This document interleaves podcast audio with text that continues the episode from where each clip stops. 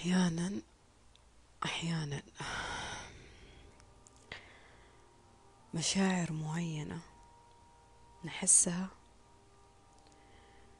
تكون هي سبب في تعكير مزاجك ليوم كامل. شعور واحد كفيل إنه يحسسك إنك أنت باقي في القاعة شعور كفيل يحسسك إنك أنت جالس تغرق تغرق. مع انه تحس إنه عندك كل مقومات السباحة بس جالس تغرق. شعور كفيل يحسسك إنك أنت عاجز برغم إنك قادر تتحرك. شعور يحسسك بالسذاجة برغم إنك أنت فاهم واعي لكل الأحداث اللي تصير من حوالينك. شعور يخرجك من لومك الكثير لنفسك للومك للبشر وللحياة وللأحداث اللي تصير. قديش الإنسان لما يوصل لمرحلة من كثر ما تخبطت فيه الحياة غلط وأذنب وعصى وسوى أشياء كثيرة يمكن دخل حتى في علاقات مفروض ما يدخلها. يوصل هذا الإنسان لمرحلة أنه يكون متطرف. ومتطرف تخيل معي يكون متطرف. ويبدأ يقول المفروض أن الناس ما تدخل هذا النوع من العلاقات ومفروض هذا الشيء ما يصير وهذه مسخرة وهذا غلط وهذا صح. بينما هو في يوم من الأيام كان يمشي بنفس الخطوات هذه. حتى لو كانت الظروف حدته أحيانا على تصرفات هو ما كان يتمنى أنه يعيشها. حدته على طريق ما كان يتمنى أنه يمكن يمشي فيه لكن شيء وخاضه في يوم من الأيام. إسقاط أحكام على الأشياء الكثيرة من حوالينا. كأنها محاولة للهروب من جدية تحمل مسؤولية الأشياء اللي نحس فيها. انت اذيتني انت جرحتني انت سبب الحياة اللي أنا جالس اعيشها وانت وانت وانت وانت. أسوأ حاجة من الأشياء السيئة اللي الإنسان يحس فيها إنه يوصل لمرحلة ويحس إنه هو كينج ملك في هذا الدراما الساذجة وهذه الأحزان المبالغ فيها. أسوأ مرحلة اللي يحس فيها الإنسان كأنه متمسك محتضن هذا الألم وهذا الحزن. ما يبغى يروح عنه ما يبغى يفرط فيه. كأنه تعود هذا النوع من القسوة على ذاته. أسوأ حاجة لما يكون هو عارف إنه العلاج بيده وعارف إنه كل حاجة من حوالينه يقدر ينسفها بكلمة يقدر ينسفها بهروبه يقدر ينسفها بتجاهله يقدر يتعامل معاه حتى لو بكذب وطيش ومجاملة لكن هو ما يبغى هو ما يبغى. لأنه ما عنده استعداد أنه يواجه هذا الشيء مع الناس أو مع نفسه أو مع الحياة.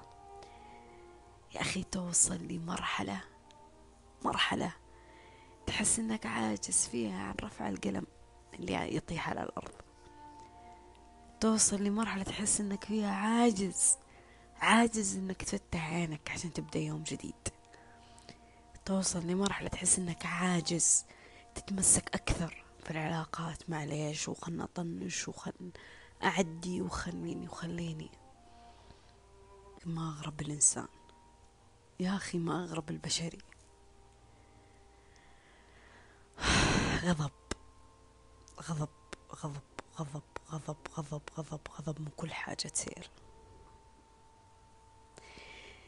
يبدأ مراحل حياته في في مشاعر يكون فيها حليل وطيب مع نفسه ومع الناس ومع الحياة. عنده حسن ظن عالي تجاه الأشياء اللي جالسة تصير حوالينه. لا هي ما قصدت لا هو ما صار كذا لا يا شيخة تتيسر إن شاء الله الأمور تعدي. ويكون زي الطفل اللي أحلامه بريئة كأنه يشوف الحياة بوردية كأنه يشوف الناس معها أجنحة. ساذج. ساذج في ذيك الفترة لدرجة أنه يحس أنه معمي عن حقيقة الأشياء اللي مفروض يشوفها قدامه. ويظل فترة طويلة وهو في المعمعة حقتها هذه. سوي الشيء الفلاني سمي حاضر ناقصنا الشيء الفلاني حاضر أنا بسوي وأنا بأفعل وأنا أحاول كذا تحاول ترضي فيها الكل. ما تبي أحد يكون منك زعلان. أصلا اللي يكون زعلان منك تحس أنه أنت قلبك يوجعك أكثر من زعله عليك. تبدأ حياتك في ذيك الفترة وذيك المرحلة على الطبطبة والكلمة الحلوة والمجاملة وضغطك على نفسك. خلنا نضغط على نفسي. معليش التضحية لابد منها. معليش التنابز لابد منه. معليش التمسك لابد منه. معليش معليش معليش. إنت تتحملهم هم يتحملونك. إنت تتحدى الظروف والظروف تتصارع معك. هي كذا الحياة. في ذيك الفترة. إلين ما تكسى الأيام بطريقة ملوثة ملوثة. وما تقدر فيها إنك تتخذ قرار واحد صح. عشان ينقذك من سلسلة من الأحداث السيئة اللي ممكن كارمتها تبقى معك فترة طويلة عشان تتخلص منها. تبدأ تاخذ هذا القرار من منبع احتياج من منبع تعويض من منبع إنه ضروري. إيش أسوي طيب؟ إيش أسوي؟ ساعات ما تبغى تكون ثقيل على أحد. ولا تبي تكون ثقيل على الحياة لكنك تكون ثقيل على نفسك. ويلا طلعنا من من من هذيك السخاء أو مرحلة السخاء لمرحلة أنا محتاج أنا مضطر. أيام تمر عليك ترجع تحط راسك على المخدة تبكي تبكي.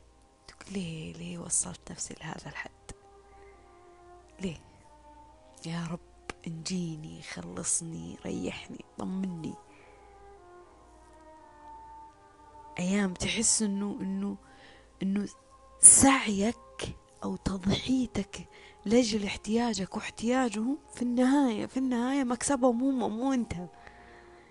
في النهاية كأنك تحس إنك أنت خدمتهم بس ما خدمت نفسك ما سويت شيء بنفسك أصلا. يا الله شيء مضحك. تخيل كأن المغامرة اللي اللي سويتها هذه كلها أفرحت غيرك لكن ما أشبعتك.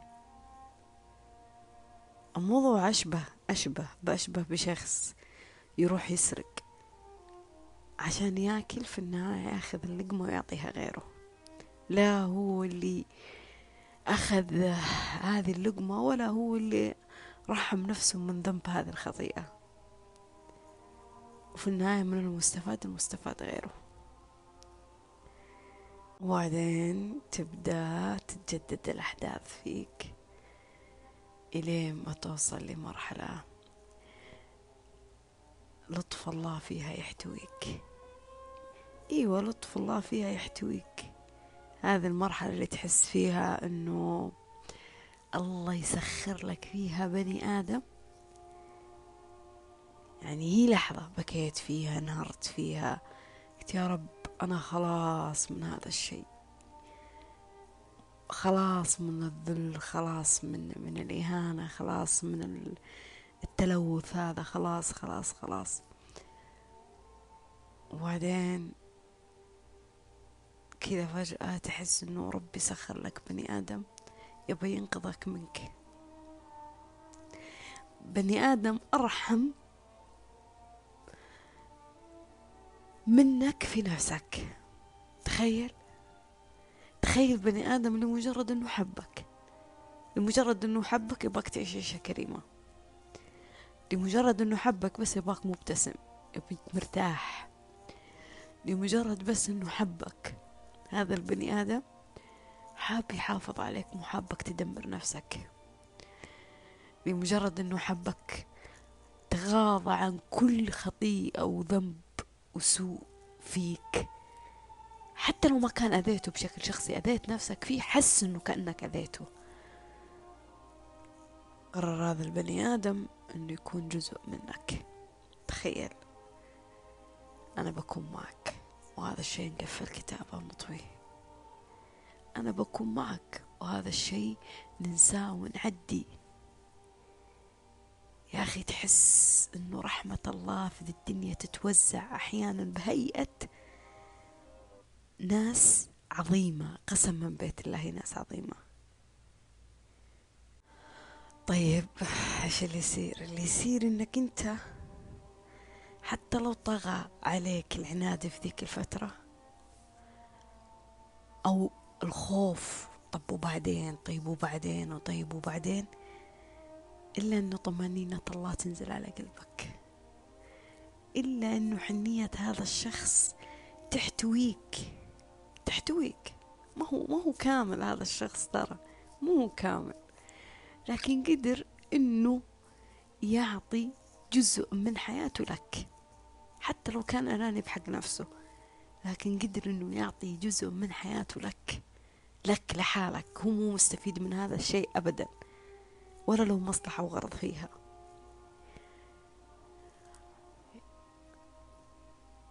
وتطلع وتقفل بيبانك وملفاتك وتنظف أشيائك وتبدأ تتعلم أشياء جديدة في الحياة. يلا أنا بتعلم الصح والغلط وبتعلم الإيجابية وبتعلم إيش يعني سلبية وبتعلم إيش يعني تنظيف وبتعلم إيش يعني احتضان وبتعلم إيش يعني آه أقرأ وبأتعلم وبتعلم وتعلم أبغى أشبع نفسي بالحكمة. أبغى أشبع نفسي بالعلم. أيوة تشبع نفسك في العلم. صح.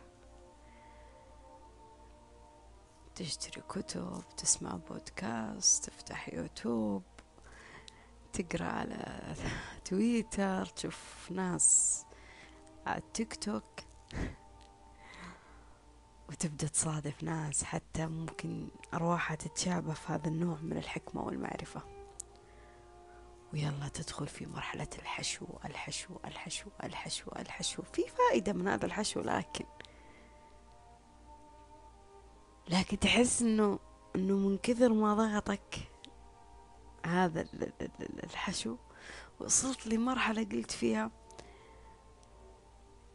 okay كذا okay لحظة لحظة أنا جالسة أتعلم. إي إي أنا فاهم. بس ما في فرصة. إي أنا فاهم بس ما في إمكانية. إي أنا فاهم بس ما أقدر الحين. توصل لمرحلة تحس إنه تجيك شهور أو سنوات تدخل في مرحلة من الكبر. الكبر اللي لا تغني من الجوع اللي ما تفيدك ما تشبعك ما تأكلك. اللي تدري إنه ما في مجال إلا هذا المجال وما في إمكانية إلا هذه الإمكانية. فترفض أي حاجة متاحة في سبيل إني أنا أنتظر شيء أفضل. وهو من حقك إنك أنت تنتظر الأشياء الأفضل إنها تصير في حياتك لكن ساعات أو أحيانا الأشياء الأفضل ما تجي إلا لما تعيش في الأشياء اللي هي أقل أقل من الشيء اللي أنت حطيته في نفسك.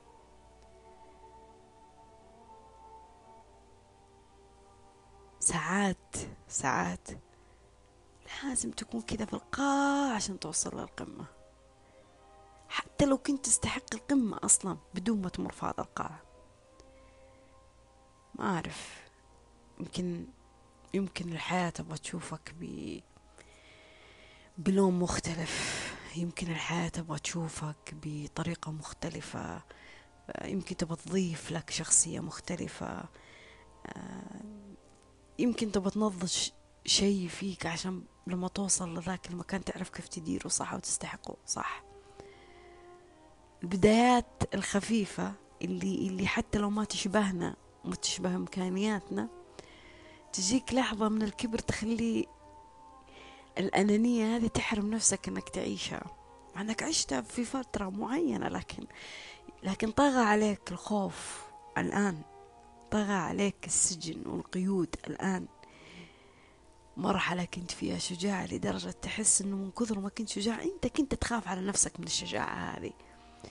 ليه أنا شجاع في قراراتي في اختياراتي؟ ليه أنا شجاع في في المغامرة في التضحية؟ ليه أنا شجاع في في في في ما في قيود في الحرية نفسها.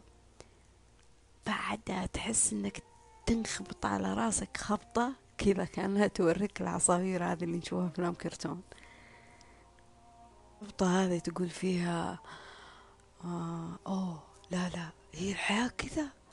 يو يو الحمد لله اللي أنجاني ما وصلت لهذا المرحلة وأسوأ منها. وخلاص تبدأ تكفل على نفسك.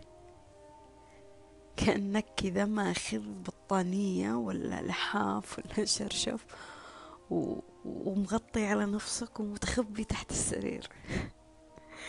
متخبي تحت تحت سريرك ومتخبي بفراشك. ما ما تبغى تشوف وما تبغى تسمع الأصوات اللي جالسة تصير. كأنك هارب هارب من مواجهة حقيقية مع الحياة. وأولهم نفسك. وانزرع فيك الخوف. أيوة انزرع فيك الخوف.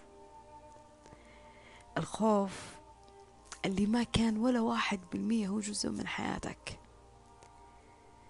أمانك اللي كان من كثر ما يطغيك وثقتك من كثر ما كانت تطغيك كنت كنت كذا كذا تنذرها للناس اللي حوالينك. تعال نطمنك تعال نسمعك تعال نحتضنك تعال نوقف معك. ليه؟ ليش جالس تحس بذا ليش؟ إيش تحتاج أنا أساعدك فيه الأمان اللي صنعت فيها ابتسامة وصنعت فيها موقف طبطبت فيها على قلب جبرت فيها خاطر وكنت فيها في مواقف مع الناس بحلوها وشينها. الأمان اللي كنت جزء من رحلة أيام عاشوها سواء كانت تعيسة ولا مفرحة. أشبعتم بهذا الأمان. لدرجة أنه الخوف تغل في حياتك توغل فيك أكلك. خايف خايف عجزت فيها تفهم هو الحدث اللي, اللي, اللي وصلك لهذا النوع من الخوف.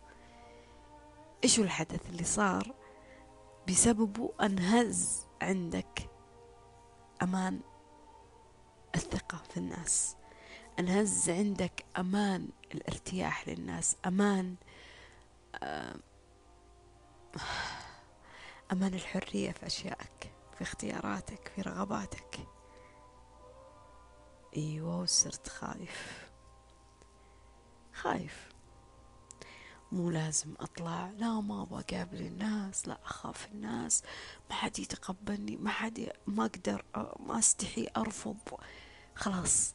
بديت تبعد نفسك عن مواجهة البشرية بديت تبعد نفسك عن مواجهة أشياء جدية في الحياة لازم تواجهها. كيف بتاكل؟ كيف تشرب كيف تلبس يا أخي حرمت نفسك متعة الاستمتاع في أبسط شيء من حقوقك إنك تعيشه إنك تشوف بحر. تخيل؟ تخيل. إنك تروح مكان متسع كذا فيه زراعة وتجلس فيه.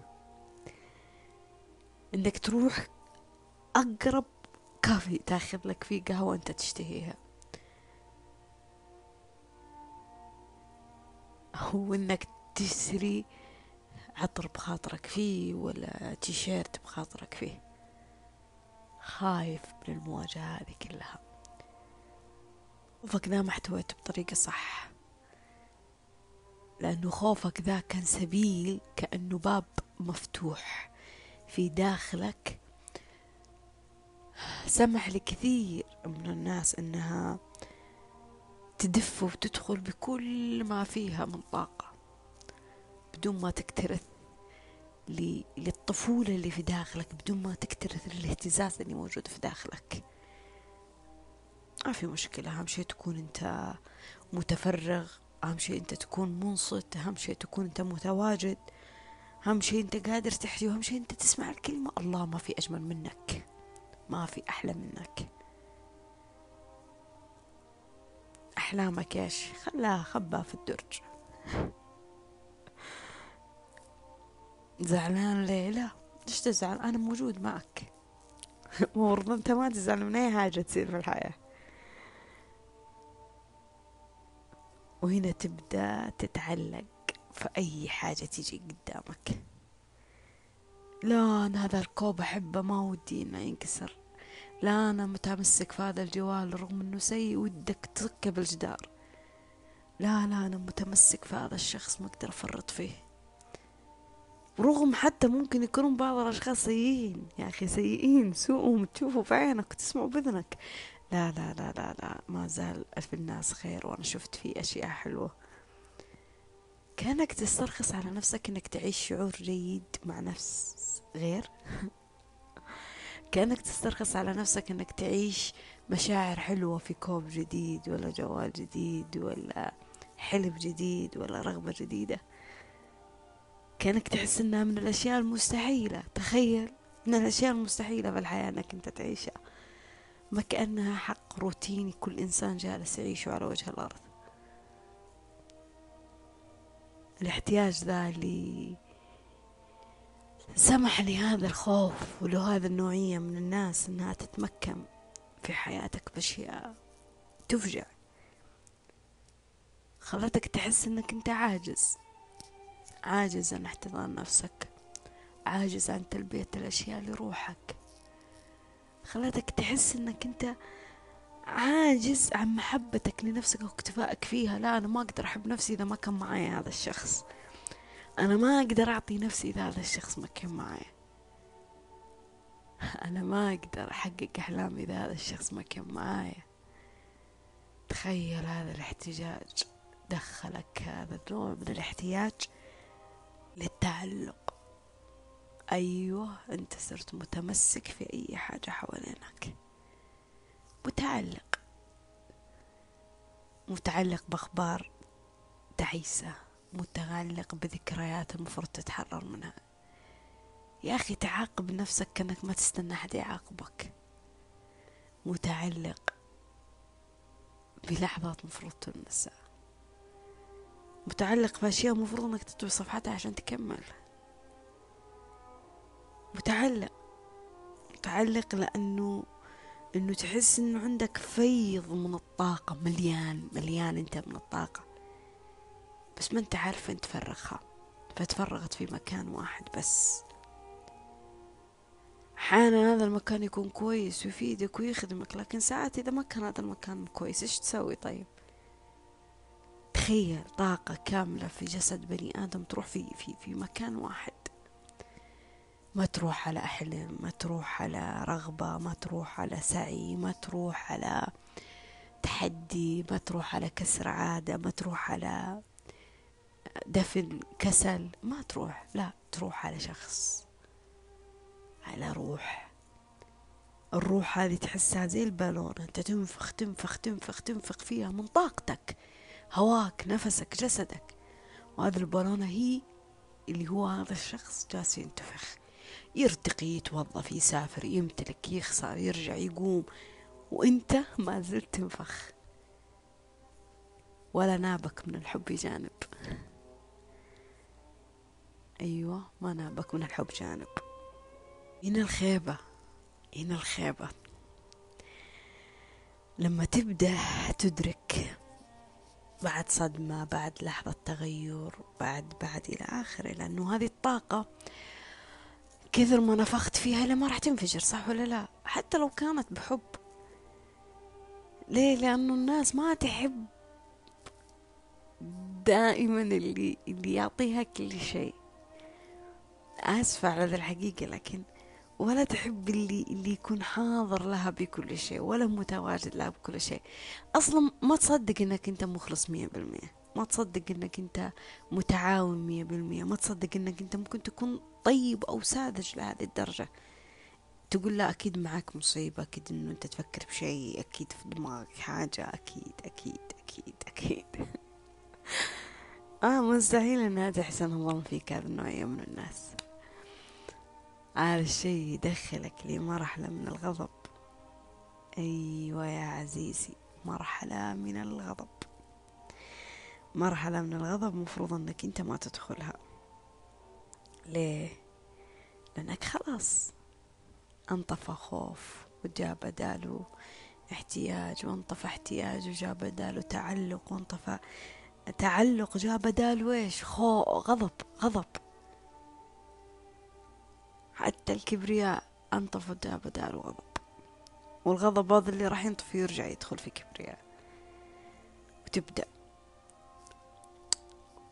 هم ما سوولي هم ما فعلولي تبدأ تدرك. يا أخي شفت الطفل اللي لأول مرة يوقف عند مرايا إيش يسوي؟ هذه عيني وهذه خشمي وهذه خدي وهذا جسدي. أنت كذا لأول مرة تدرك إنه أوه وين أنا؟ وين عمري اللي راح؟ أنا مفروض يكون عندي أحلام مفروض يكون عندي رغبات مفروض ان أنا أهتم في صحة مفروض ان أهتم بجسد مفروض أهتم بمشاعر. يوه أنا وش خسرت؟ وش صار؟ أنا مين؟ تبدأ تسأل السؤال الصعب. أنا مين؟ وليه كذا صار؟ وأنا وين كنت؟ وليش كنت أسوي كذا؟ لوم لوم لوم لوم لوم لوم لوم لوم. إلين ما هذا اللوم يوصلك لمرحلة من الغضب. خلاص. شوفي هي كيف تغلط شوفي كيف تجاهر شوف هذا غلط وهذا صح وهذا وأنا ما حد يعجبني. على فكرة بين قوسين. صديقة وهي غاضبة جدا مني قالت لي قالت لي فاطمة انت ما في شيء يعجبك. يا الله أنا لما أتذكر الكلمة هذه أقول أتمنى أنه لو ينعاد الموقف وأرجع أخذ حقي وأدافع عن نفسي في ذيك اللحظة. جتني لحظة من الصمت. أقسم بيت الله يمكن لله حكمة لكن في ذيك المرحلة جتني لحظة من الصمت طلعت فيها كذا بصمت. ليه؟ ليه ما في شيء عاجبني؟ ليه؟ الحمد لله على كل النعم. الجليل والكبير والصغير والظاهر والباطن الحمد لله على كل النعم. لكن إذا ما في أشياء عجبتني في حياتي فهذا طبيعي. طبيعي إذا كانت أحلامي مو كلها تحققت. إذا في أشياء ألقاها تناقض معتقدات وأفكار عندي. طبيعي طبيعي لما إنه الواحد يكون ممكن نايم وتيجي المشكلة لين عنده أكيد ما في شيء يعجبه. طبيعي لما إنه الواحد يخلص ويوفي ويلقى خيانة. طبيعي لما ان الواحد يعطي ويلقى تجاهل ورد. طبيعي لما الواحد يفتح قلبه للحياة بإيجابية ويلقى صد وسلبية. طبيعي إنه في أيام أشياء ما تعجبه. طبيعي. لأنه وتيرة الحياة مو دائما على على فاطمة إيش اللي يعجبها واللي ما يعجبها. شئنا أم أبينا في النهاية اللي يعجبنا واللي ما يعجبنا راح يمشي صح ولا لا؟ وكله بيعدي. خير ولا شر إيجابية ولا سلبية كله راح يعدي. رضيت في ذا الشيء أو ما رضيت في هذا الشيء. اقتنعت في هذا الشيء أو ما اقتنعت في هذا الشيء. بس كون إني أعبر عن إن أشياء في حياتي ما أعجبتني فهذا طبيعي. المفروض صدرك يكون رحب تجاه هذا الشيء. يا أخي أنا تحملتك وأنت تتكلمين كثير بسلبية عن الناس وعن الحياة. وقلت يمكن البني آدم لما يمر في صدمات ولا خيبات ولا أشياء أفقدته محبته للناس يوصل هذا النوع من الشعور. خلقت لك عذر ما قدرتي تخلقينه لي. إلين ما وصل هذا الموضوع للحد. لأنك أنت تقلبين الطالبة. الطاولة علي يا أخي. تقلب الطاولة علي صارت تقول كيف أنتي ما تتكلمين؟ يعني كيف ما يعجبك حاجة؟ يا أخي اللي سرق منك عافيتك وسرق منك ابتسامك ابتسامتك وسرق منك قبولك للحياة. يا أخي اللي سرق منك رغبتك وأحلامك. أنا دائما أقول إحنا دائما نخاف شر الظلم صح؟ إحنا نخاف دائما شر الظلم فإن نظلم أنفسنا أو نخاف أن نظلم الناس ونعرف إنه ما بين دعوة المظلوم ورب العالمين حجاب صح ولا لا؟ دائما نقول هذا الكلام وفي مثل طاغي في ناس تقوله يعني إنه أنا انام مظلومة ولا أني أنا أنام ظالمة يعني تخيل لأي درجة البني آدم وصل لدرجة إنه ما. عشان بس ما يبغى يكون ظالم في يوم من الأيام في حياته. نخاف من حقيقة الظلم إنه أنا لا كيف أظلم بني آدم؟ هذا لو دعا علي حياتي كلها راح تتفكك. يا أخي الظلم مو بالضرورة دائما يجي بس في نهب الأموال ولا الممتلكات ولا الماديات. الظلم يجي في إنك حتى تنتهك راحة بني آدم واستمتاعه. بني آدم كان يضحك بني آدم كان مبتسم بني آدم كان مقبل على الحياة وتجي أنت تنتك تن... تنتهك هذه الراحة حقته تدمرها تستبدلها بمشاعر سيئة. هذا ظلم. ظلمته. ظلمته لأنك ما خليته في دائرة السعادة اللي كان فيها لا.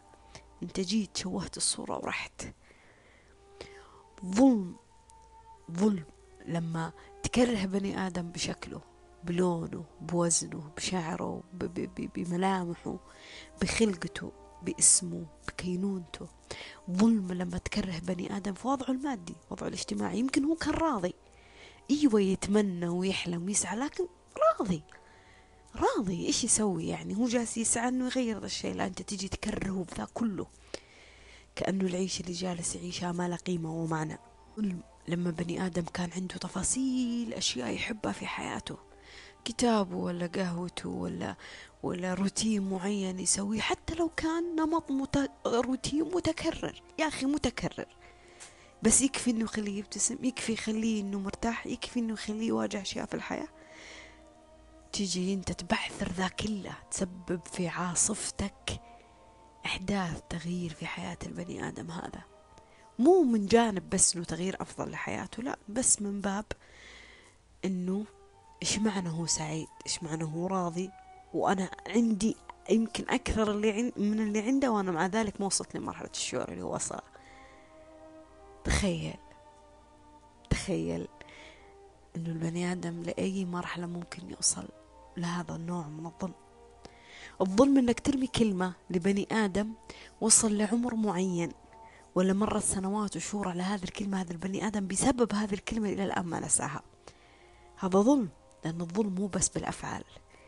لا أنا سرقتك أنا أنا أذيتك أنا ضربتك. لا لا الظلم حتى في الكلام اللي نقوله. لما تيجي تدخل البيت وترمي عليه كلمة ما تتوقع أنه أنت ما ظلمتني. لا ظلمتني. لما أنا أكون ما أستحق ذا الكلمة إيش إيش يوم من توفيق راح يصير في حياتك؟ إيش هو من راحة؟ إيش هو من أمراض راح تتخلص منها؟ الظلم الظلم يدخل في كل التفاصيل اللي اللي تريح البني آدم يدخل في كل التفاصيل اللي تهدي البني آدم الظلم يدخل في كل التفاصيل اللي تأثر في سلوك البني آدم. ظلم. هذا ظلم. لا ننكره. مو بس نحط بين قوسين الظلم في واحد واثنين وثلاثة. الظلم يدخل في كل حاجة. في كل شيء أنت ممكن تبعثر فيه حياة بني آدم. وانت واعي لهذا الشيء. يعني لا أنك ابتعدت عنه وكفيته شرك ولا لانك كنت معه واحتويته بخيرك. وهذا الشيء أنا ما أتكلم فيه بس عن علاقات عاطفية أتكلم فيه عن كل العلاقات في الحياة. يا أخي أنا لما يجي أحد يكرهني مثلا مثلا على سبيل المثال أحد يجي يكرهني في عملي كل يوم أنا داوم وأحد يكرهني في عملي. مع إنه أنا ما جيتها ولا جيت باب ترقيتها ولا هو اللي يصرف لي راتبي بس يكرهني في اليوم هذا اللي أنا داوم فيه. وصلني لمرحلة من الشعور إني أنا أكره عملي. وصلني مرحلة الشعور لدرجة إني أنا صرت أستثقل هذا الشيء. تأثرت يا أخي البني آدم يتأثر. تخيل هذا البني آدم لو تدمرت حياته راح للخراب ولا لا أو, أو, أو صار غياب وينخصم من راتبه أو فصل من وظيفته. عن أي أي ظلم نتكلم. أنت سببت فيه في عرقلة حياة بني آدم. التخبيب في الظلم يجي في كل شيء ترى مو بس في علاقة المتزوجين ولا الأهالي يجي في كل شيء. تخببت بيني وبين الأشياء اللي أنا أحبها. خببت بيني وبين الأشياء اللي تأكلني وتشربني. خببت بيني وبين الأشياء اللي تريحني وتسعدني. خببت بيني وبين الأشياء اللي تقويني في الحياة. هذا مو ظلم هذا ظلم. يا أخي. آه. تدرون أنا فاتحة التسجيل حق آه، برنامج الآيفون. كنت جالسة مع نفسي والله. مسوية قهوة واسماء موسيقى معي دفتر وقلم زعلانة زعلانة زعلانة من الحياة زعلانة من أشياء صارت معي يعني في أسباب بس ممكن ماني حابة أتكلم فيها. واكتشفت إني أنا من النوع من الناس يعني سبحان الله الواحد لما يدرك نفسه يعرف قديش هو في له أشياء. اكتشفت إني أنا من نوعية الناس إنه لما أكون زعلانة حتى لو كان من أسباب صغيرة يا قديش تتعظم في عيني أشياء كبيرة. قديش أكون دراما يعني. شوفوا كيف سجلت مقطع ما أدري كم دقيقة. بس من من موقف يمكن لو أحكيكم الموقف تقولوا لي تافه. هو مو تافه لكن ما كان يستوجب هذا الكم الهائل من المبالغة والاهتمام والحزن. فيسوق كذا البني آدم.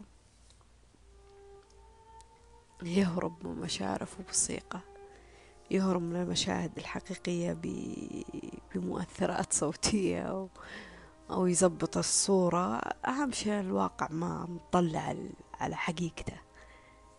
يعني صرنا نحب الأشياء الغير طبيعية أكثر من الأشياء الطبيعية. يعني الصور المتزينة أكثر من الصور الواضحة اللي على طبيعتها. صرنا نحب الأشياء اللي يكون مدموجة في أشياء أحسن ما تكون هي كده منفردة. صارت الأشياء الطبيعية اللي المفروض نحن نسمعها نحس إنها مي طبيعية نحس إنها مزعجة. كيف كيف هذا الصوت الهائل من الإزعاج؟ وكيف هذا المنظر الهائل من الإزعاج؟ مع إنه الحياة كانت واضحة واضحة أو البشرية كانت واضحة بس ما أدري شو اللي صار. وخلانا بس نهوى الفلاتر مو بس الفلاتر على الصور ولا تغيير الأصوات الفلاتر حتى على تعاملاتنا في أشياء كثيرة. صرنا نشوف الأشياء الحقيقية ونعرف إنها حقيقية بس نغلفها بوهم عشان ما نعترف لنفسنا إن الحقيقة كذا. صرنا نتجاهل الأشياء في سبيل إن نكسب سعادتنا. والله لو إحنا تدخلنا ممكن نضر أنفسنا. ما ندري إنها غلط. غلط. ومو حد معصوم منها لا أنا ولا هم. صرنا نخبي أنفسنا. سهل.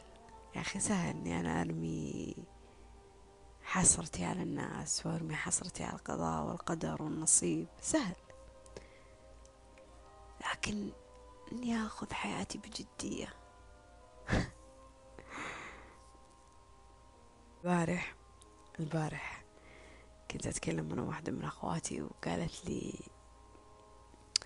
يعني هي كانت تتكلم عن شخص إنه إنه كيف الواحد هو في ذا العمر والله أنعم عليه برزق وأنعم عليه بحياة كويسة كريمة وأنعم عليه بعائلة. ومع ذلك في لحظة قرر هذا البني آدم أنه ينجرف نحو الخراب. تخيلوا الخراب أنه بغى يتسبب له في خسارة قوت عياله قوت نفسه. يعني تخيل يخسر كل شيء وظيفة سيارة وإلى آخره. ف فهي جالسة تقول لي فاطمة يعني الواحد ليه ممكن يوصل نفسه لهذه المرحلة؟ ليه؟ بغض النظر عن إنه ممكن يكونوا سببها بيئة ممكن أهل ممكن ظروف مر فيها ممكن ممكن. قلت لها شوفي كلنا ضحايا حتى أهالينا ضحايا أهاليهم وأهاليهم ضحايا أهالي اللي قبلهم. ما في بني آدم ما هو ضحية لحاجة معينة صارت في حياته. يعني لو أهلك كويسين فأنت ضحية جيران مو كويسين لو جيرانك كويسين يمكن أنت ضحية تعليم سيء ولو تعليمك سيء يمكن تكون ضحية مجتمع ولو مجتمعك كويس ممكن تكون ضحية ظروف اقتصادية وهكذا. يعني ما في بني آدم ما هو ضحية لحاجة في حياته. لكن آه أتكلم بصراحة يعني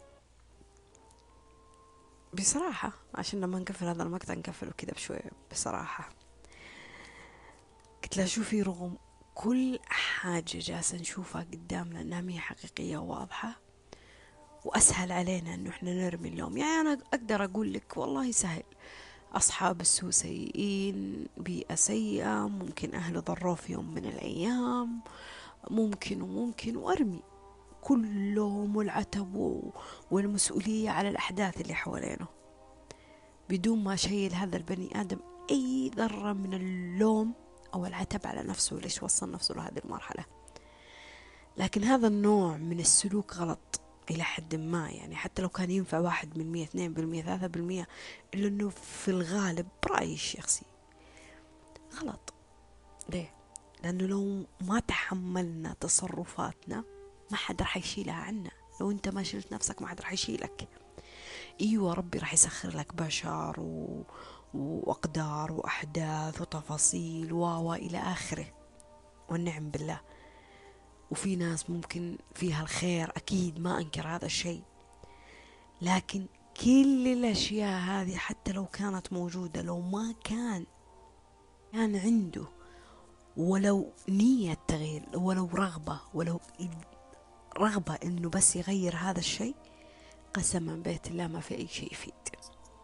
لا البني آدم اللي بتسخر له لا الوسيلة لا المكان لا الغاية لا الماديات لا الأحداث لا الأيام.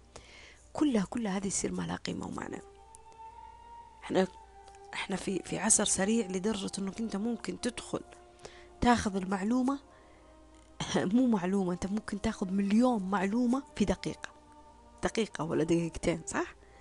أفتح التيك توك أفتح ال Snap أفتح إنستغرام أفتح اليوتيوب أفتح بودكاست أفتح SoundCloud أفتح أفتح أفتح يلا من هنا من هنا من هنا أسمع معلومات زخم. الكتاب اللي 500 صفحة ممكن تخلصه في مقطع عشر دقائق من كثر ما إحنا في عالم سريع. أعطيك زبدة الشيء خلاصة الشيء. وتبدأ تقدر تشوف حياة الناس المكشوفة بين الفقير وبين الغني وبين اللي عنده وما عنده. مثل الأشياء اللي طلعها التيك توك. شفنا لايفات لناس أوضاعهم المادية ما تخيلنا أنه في بني آدم عايش هذه الحياة. وشفنا ناس من يعني من المشاهير وصلوا لمرحلة من البذخ برضو يمكن ما توقع أنه الواحد ممكن يوصل لهذا النوع من الثراء. okay إحنا كنا نسمعه بس ما كنا نشوفه. فكل الأشياء هذه أنت بتشوفها كتب قنوات منصات أشخاص أحداث أماكن فرص ممكن ممكن تتوفر لك لكن عمرها ما راح تاخذ مكانك في القرار والاختيار. حتى لو كانت الحياة حدتك أحيانا إنها هي تختار عنك وتقرر عنك مثل ما أنا قلت في بداية المقطع إني أنا اخترت أشياء وقررت أشياء. وفي أشياء الحياة هي قررت واختارتها عني. قسما بيت الله. يظل قرار إنقاذك لنفسك هو مسؤوليتك أنت لوحدك. وأنا آسفة بس مو مسؤولية لا أهلك ولا الناس اللي تحبهم. المدرس ولا مسؤولية المعلم ولا مسؤولية الشيخ ولا مسؤولية مواقع التواصل هذا مسؤوليتك أنت. الهداية التغيير الحكمة التجربة هذا كلها مسؤوليتك أنت. التوقف ولا الإكمال؟ هذا مسؤوليتك أنت. الناس ممكن تحميك من كثر ما هي تخاف عليك. تخاف يأذي نفسه وتكفل عليك ألف باب وباب لكن اللي يبغى يموت راح يموت نفسه صح؟ واللي يبغى الخرب راح يمشي فيه لو إيش. فافهم هذا الشيء وادركه. أنا آسفة. إحنا أحيانا نتمنى بس إنه نلقى دف دف دف من الناس اللي نحبهم. أو نتمنى أحيانا إن ظروفنا كانت أفضل من كذا عشان نقدر ناخذ قرارات أفضل. أو نتمنى إنه تجي إمكانيات عالية في المكان إحنا عشناه عشان يساعدنا على تحقيق أحلامنا. لكن أنا آسفة ساعات إذا ما كان عندك الباب اللي أنت تبغاه مفتوح لازم تجرب تدق باب ثاني. للأسف هي كذا الحياة. يعني إذا أنت ماخذ الشهادة على سبيل المثال يعني أنا مثلا عندي إدارة أعمال. طيب بس مو كل الوظائف ترى أقدم فيها إدارة أعمال. إدارة يعني. أقدم حتى على وظائف متطلبة شهادة ثانوية عامة. أنت متخيل أني أنا أستغني عن شهادتي الجامعية في سبيل أني أنا أنقبل في هذه الوظيفة؟ شيء محزن لكن في نفس الوقت أنا ما أفكر فيه بحزن كثر ما أفكر فيه أنه ممكن يكون مصدر دخل لي. هذا المهم. فأيوة. الواحد ما يدري الخير فين ممكن يكون. في هذه العلاقة ولا في هذا المكان ولا في هذا الرزق ولا في هذه الشهادة ولا هذه الفرصة. أيوة. أعرف واحدة قالت أنا كنت أبحث عن برنامج الآيتلس وكذا يعني. وشفت واحدة كتبت كتبت والله شهادة الآيتلس ما عاد بقي لها تقريبا إلا كم شهر وتنتهي. لازم أرجع أجدد الاختبار ولا استفدت منها بحاجة لأنهم كاتبينها صارت جبارية هالوظائف فأنا يوم شفت تعليقها قلت ضحكت والله قلت إيوه إحنا في أشياء راح نسويها في سبيل ان هي راح توظفنا في أماكن معينة. يعني أنا مثلا أتذكر في حقبة الحاسب الآلي كان إجباري حاسب آلي ما في وظيفة تقبلك إلا بحاسب آلي. ولما أخذت حاسب آلي توظفت وظيفة طلبت الحاسب الآلي بس شغلي ما كان على الحاسب الآلي. فكاهة الحياة غريبة أنا معك. لكن تصير صح ولا لا؟ فاحيانا أنت لازم تواكب الأشياء الظاهرة مضطر. أحيانا. وعشان الاضطرار هذا لازم تعود نفسك عليه. هم طالبين كذا أنا لازم أسوي كذا. لا تجي بخيار وقرار منك. فأنا وقتها قلت لها قلت لها بعيدا عن اللوم. نحن نلوم أصحاب السوء و و و الواحد لازم يوصل لعمر ناضج بالغ. واعي. يكون مدرك. مثل ما نتحاسب على صلاة وعلى أكل وشرب وعلى حياة وعلى عمر وعلى أشياء إحنا جالسين نسويها. كمان خلينا نتحاسب على قرارات واختيارات. إحنا نكون واعيين لها بس إحنا ما ما أخذناها بنضج كافي. وهذه مي فلسفة هذه واقعية. لازم كده تشيل نفسك من ذا القاعة وتوقف نفسك زي ما أنا أقفل ذا المقطع وأرجع أمسح دمعتي وأرجع أسوي لي أكل وآكل وأضحك وأسولف وممكن أكمل شغل على اللابتوب وممكن أسوي اتصال مع أحد وممكن أتابع فيلمي. أرجع أعيش أنتعش. ممكن تقوم تاخذ لك دش تتنشط ممكن تطلع تتمشى ممكن وممكن وممكن لازم تقرر تكون سعيد لازم تقرر إنك تختار لازم تقرر إنك تدفن أشياء لازم تقرر إنك تكمل. إيوه أحيانا لازم تكون تناضج في هذا القرار. لأنه لو لقينا اليوم اللي يساعدنا نبتسم يمكن بكرة ما نلقى. أو ممكن يكون تعبان ممكن ما يكون مريض ممكن يكون مسافر ممكن يكون مشغول. طيب إيش بنسوي؟ إيش بنسوي؟ في ناس بتظل تقول لك صلي صلي صلي صلي صلي صلي صلي. في كل مكان تنصحك للصلاة وتحببك في الصلاة وتعلمك فوائد الصلاة لكن إذا أنت ما أخذت قرار إنك فعليا حاب إنك تلتزم في الصلاة كلامهم كلهم يظل هواء ما له أي قيمة ومعنى. كلام الناس ممكن بعد رب العالمين يهديك إنك تلتزم في الصلاة لكن حقيقة استمراريتك والتزامك في الصلاة هذا منبع بداخلك أنت ترى. أنا دائما أقول الطريق واضح لكن الناس ممكن يكونوا زي الأنوار زي الكشافات اللي تساعدنا نشوف. الأحداث الأماكن الفرص ممكن تكون زي الكشافات اللي تساعدنا نتعدى هذه العقبة. لكن عشان أعديها عشان أمشي من اللي ياخذ هذا القرار؟ أنت. أنت. فقلت له هذا الشخص كان بحاجة أنه ياخذ قرار ناضج ويساعد نفسه. أدري أنه مو شيء سهل وبسيط. لكن يساعد نفسه عشان نفسه عشان عياله. هو مضطر خلاص. أنا دخلت المعمى انتهيت من هذه المعمى خلاص لازم أنقذ نفسي الحين. لكن إذا بظل أقول والله أنا أستنى أحد يحبني يغيرني والله أنا أستنى الظروف هي اللي تغيرني أنا أستنى الإمكانيات اللي تغيرني والله أنا حاولت يا فاطمة بس ما قدرت. لا كلنا جالسين نحاول. مين قال لك؟ مين قال لك؟ أنا البارح كنت في mood جدا عالي. كنت أسمع كلثوم ومروقة وخلصت شغلي وانجزت في أشياء. اليوم هذا ب mood سيء. لكن الحمد لله شوفوا من كثر ما تكلمت حسيت إنه ارتحت شوي وخلاص. أتوقع العصر المغرب راح أطلع راح أخرج راح أمارس أشياء. أنا أخذ فيها قرار. إذا بظل على الأطلال راح أظل على الأطلال. إذا راح أظل متشبثة في الحزن راح أظل متشبثة في الحزن ترى. انضج انضج. لا تستنى الحداث الحياة هي اللي تخليك ناضج. انضج. أنا آسفة. والله العظيم إن شعور الطفولة حلو. أنا أحبه. أنا أنا كثير قال عني طفلة. لكن أحيانا أقسى على نفسي. مو القساوة اللي أهدي فيها نفسي لا لكن أضغط على نفسي. أكون زي الصارمة. شفت الأم لما تكون صارمة مع طفلة لمصلحته؟ أنا كذا. لازم تنضجين فاطمة. لازم اليوم لازم تسوي الشيء الفلاني أو خلاص تدلعتي الأيام اللي فاتت لازم تاخذين قرار. انضج اتجاه مشاعرك أفكارك. يعني أنا فيني غضب قلت خلاص طيب البارح أنا خربتها وعصبت وزعلت خلاص اليوم أحاول إني ألقى تحدي مع نفسي يصلح من هذا الغضب.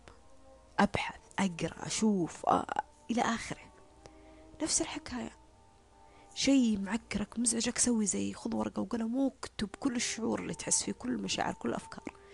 وش الأشياء اللي تبيها وش الأشياء ما تبغاها؟ وش اللي مضايقك؟ وش اللي مزعلك؟ وافهم وش اللي بيدك وش اللي مو بيدك بعدها. ما جالس أقول لك حل وصلح على طول ولا أنا أقول لك الحياة واو سهلة بالدرجة دي لا. لكن على الأقل كل ما كانت الأشياء واضحة قدامنا كل ما كان مواجهتنا على تحمل مسؤوليتها أفضل. الهروب شيء جميل. بتحط راسك وتنام ولا تشغل نتفلكس ولا تطلع مع أصحابك لكنه بعدين بعدين؟ اليوم لو أخذتك مشاغل الدنيا بسنة سنتين علاقات ولا برامج ولا بثوث ولا إلى آخره. والله إلا ما تصحى في لحظة غفوة. كذا تنصدم تقول أوه أنا وش كنت أسوي؟ وين عمري؟ وين راح؟ وقتي؟ وين؟ أنا ما جالس أقول لكم مثالي وكامل أنا ماني مثالية ولا كاملة. أنا جالس أتكلم عن اتجاه الأشياء اللي ما تسعدك. يا أخي لو تقول لي أنا ما أسوي ولا حاجة يا فاطمة بس كفيل الكوب القهوة اليوم هذا إني يغير مزاجي أقول كويس على الأقل في أشياء أنت مدرك إنها تساعد في سعادك. لكن تخيل معي في ناس ما يعرفوا وش الشيء اللي يسعدها في ناس ما يلاقي شيء يسعدها في ناس رابطة سعادتها بوهم المستقبل اللي باقي ما عاشوه وفي ناس رابطة تعاسة الحاضر اللي جالسين يعيشونه بماضي أنت. والله ما لو يحاولون لو يجيبون عجلة الزمن ما يقدروا يرجعون ويدفنونه ويغيرونه. ما في تقدم أبدا. بس